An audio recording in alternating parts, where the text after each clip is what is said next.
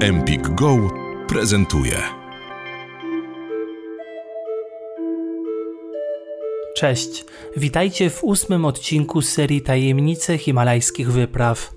W dzisiejszym materiale porozmawiamy o ekspedycji, w której uczestniczyli jedni z najlepszych polskich himalajstów, jednak to nie na jej sukcesie skupiła się uwaga opinii publicznej, lecz na wręcz szokującym oskarżeniu niektórych uczestników, którzy twierdzili, że najlepsza polska himalaistka Wanda Rutkiewicz, twierdząca, że zdobyła szczyt ośmiotysięcznika Annapurny, tak naprawdę nie dotarła na sam wierzchołek.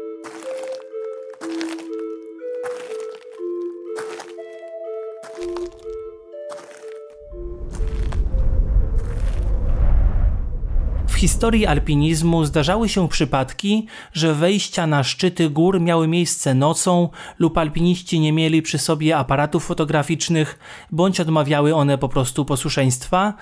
Czasami też pogoda była tak zła, że i tak na tym zdjęciu nic by nie było widać. Jak w takich okolicznościach można było udowodnić swoje wejście?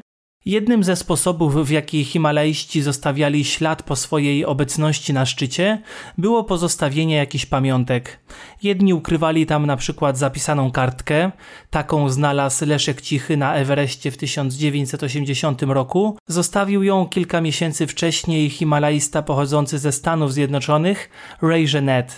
Inni ukrywali na szczycie kawałki materiału lub sprzętu wspinaczkowego. Jeśli pogoda dopisywała za dowód wejścia na wierzchołek, można uznać także relacje świadków, którzy mając na przykład dobry widok na szczyt, korzystali z lunety lub lornetki i śledzili poczynania Himalajsty aż do jego wejścia na szczyt. Kolejnym sposobem, jaki stosowano, była ustna lub pisemna relacja opisująca wygląd drogi na szczyt i też wygląd samego wierzchołka. Osoba nie będąca na szczycie miałaby duże problemy, aby opisać, jak on dokładnie wygląda. Obecnie w dobie rozpowszechnionych nadajników GPS oraz wszechobecnej technologii najpopularniejszymi dowodami wejścia na szczyt są fotografie i oczywiście nagrania wideo z wierzchołka oraz lokalizator GPS. Jednak mimo rozwiniętej technologii wciąż zdarzają się kontrowersyjne sytuacje, w których wejście na szczyt nie jest udowodnione i bywa kwestionowane. Skoro obecnie wciąż są z tym problemy, jak wyglądało to kilkadziesiąt lat temu? W historii himalaizmu są postacie, które świadomie skłamały, twierdząc, że były na szczycie, mimo że tak naprawdę na wierzchołek nie weszły. Przyczyny takich decyzji są różne. Często wiąże się to z presją wywieraną przez sponsorów, oczekujących oczywiście wielkiego sukcesu. Czasami zdarzały się jednak historie, w których Himalaiści zostali posądzeni o kłamstwo, mimo że tak naprawdę szczyt zdobyli. Jedna z najsłynniejszych takich sytuacji dotyczyła nowozelandki Lidii Brady, która bez wsparcia aparatury tlenowej zdobyła Everest w październiku 1988 roku, lecz kierownik jej ekspedycji Rob Hall oskarżył ją wtedy o kłamstwo.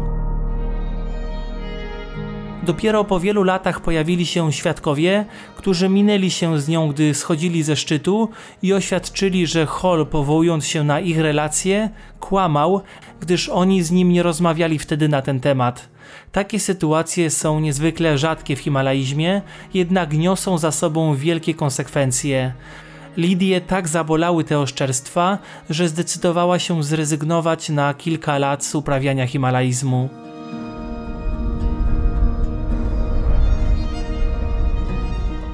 W dzisiejszym materiale przybliżymy podobną historię, która spotkała jedną z najwybitniejszych himalaistek, Wandę Rutkiewicz. Wszystko wydarzyło się 3 lata po przykrości, jaka spotkała Nowozelandkę, jednak to co łączy obie historie to fakt, że ich bohaterkami są kobiety.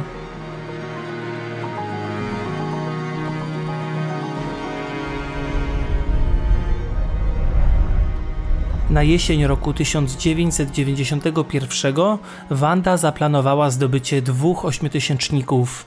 Rok wcześniej w Karakorum poznała włoskiego alpinistę Christiana Kutnera i to właśnie on miał stać się jej partnerem podczas wrześniowej wyprawy na Chooju.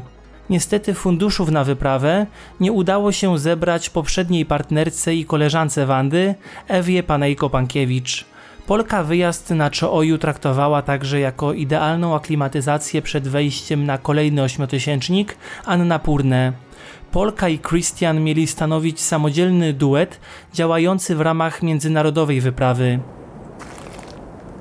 Niestety pod Chooju warunki były trudne, działalność na górze szczególnie utrudniał obficie padający śnieg. W końcu jednak warunki poprawiły się na tyle, że 25 września Rutkiewicz z Kutnerem ruszyli z najwyższego obozu w kierunku szczytu.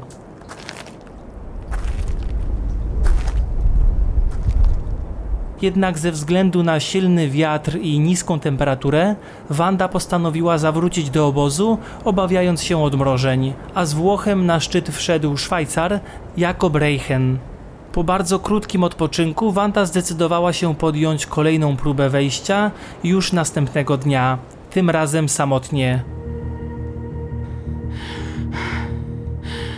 Po męczącym podejściu udało jej się osiągnąć wierzchołek swojego siódmego ośmiotysięcznika w karierze.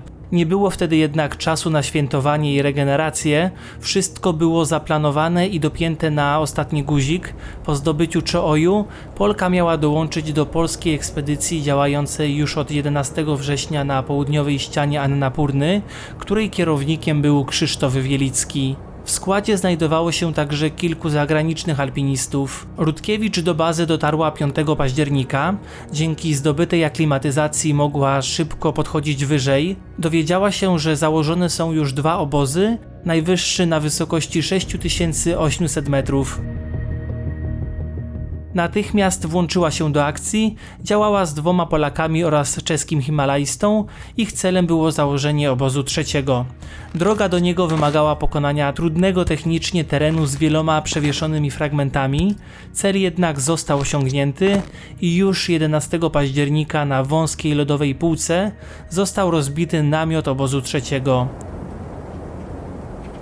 Znajdował się on na wysokości 7350 metrów.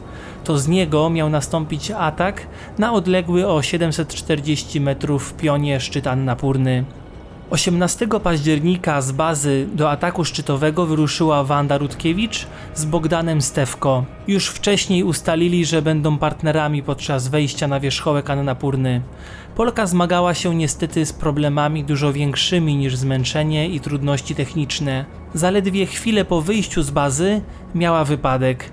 Kamienie spadły wprost na nią, jeden z większych mocno uderzył ją w nogę. Ból był tak potworny, że noga była momentami bezwładna i Wanda wchodząc podnosiła ją rękami, by zrobić kolejny krok. Kamień trafił dokładnie w kość, którą Wanda złamała na Elbrusie w 1980 roku.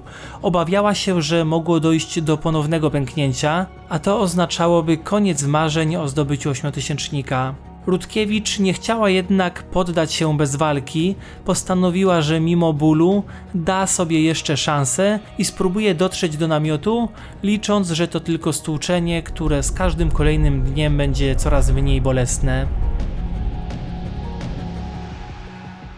Jak postanowiła, tak zrobiła i co ciekawe, udało jej się dojść do obozu pierwszego mimo potężnego bólu.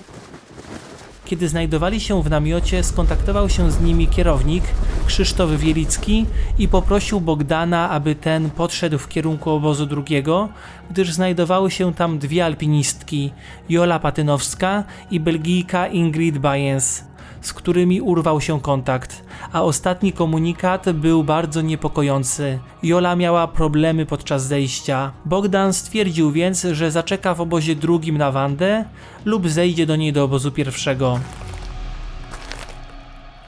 Kiedy 19 października Wanda dotarła do obozu drugiego, zaskoczeniem odkryła, że jej partnera tam nie ma.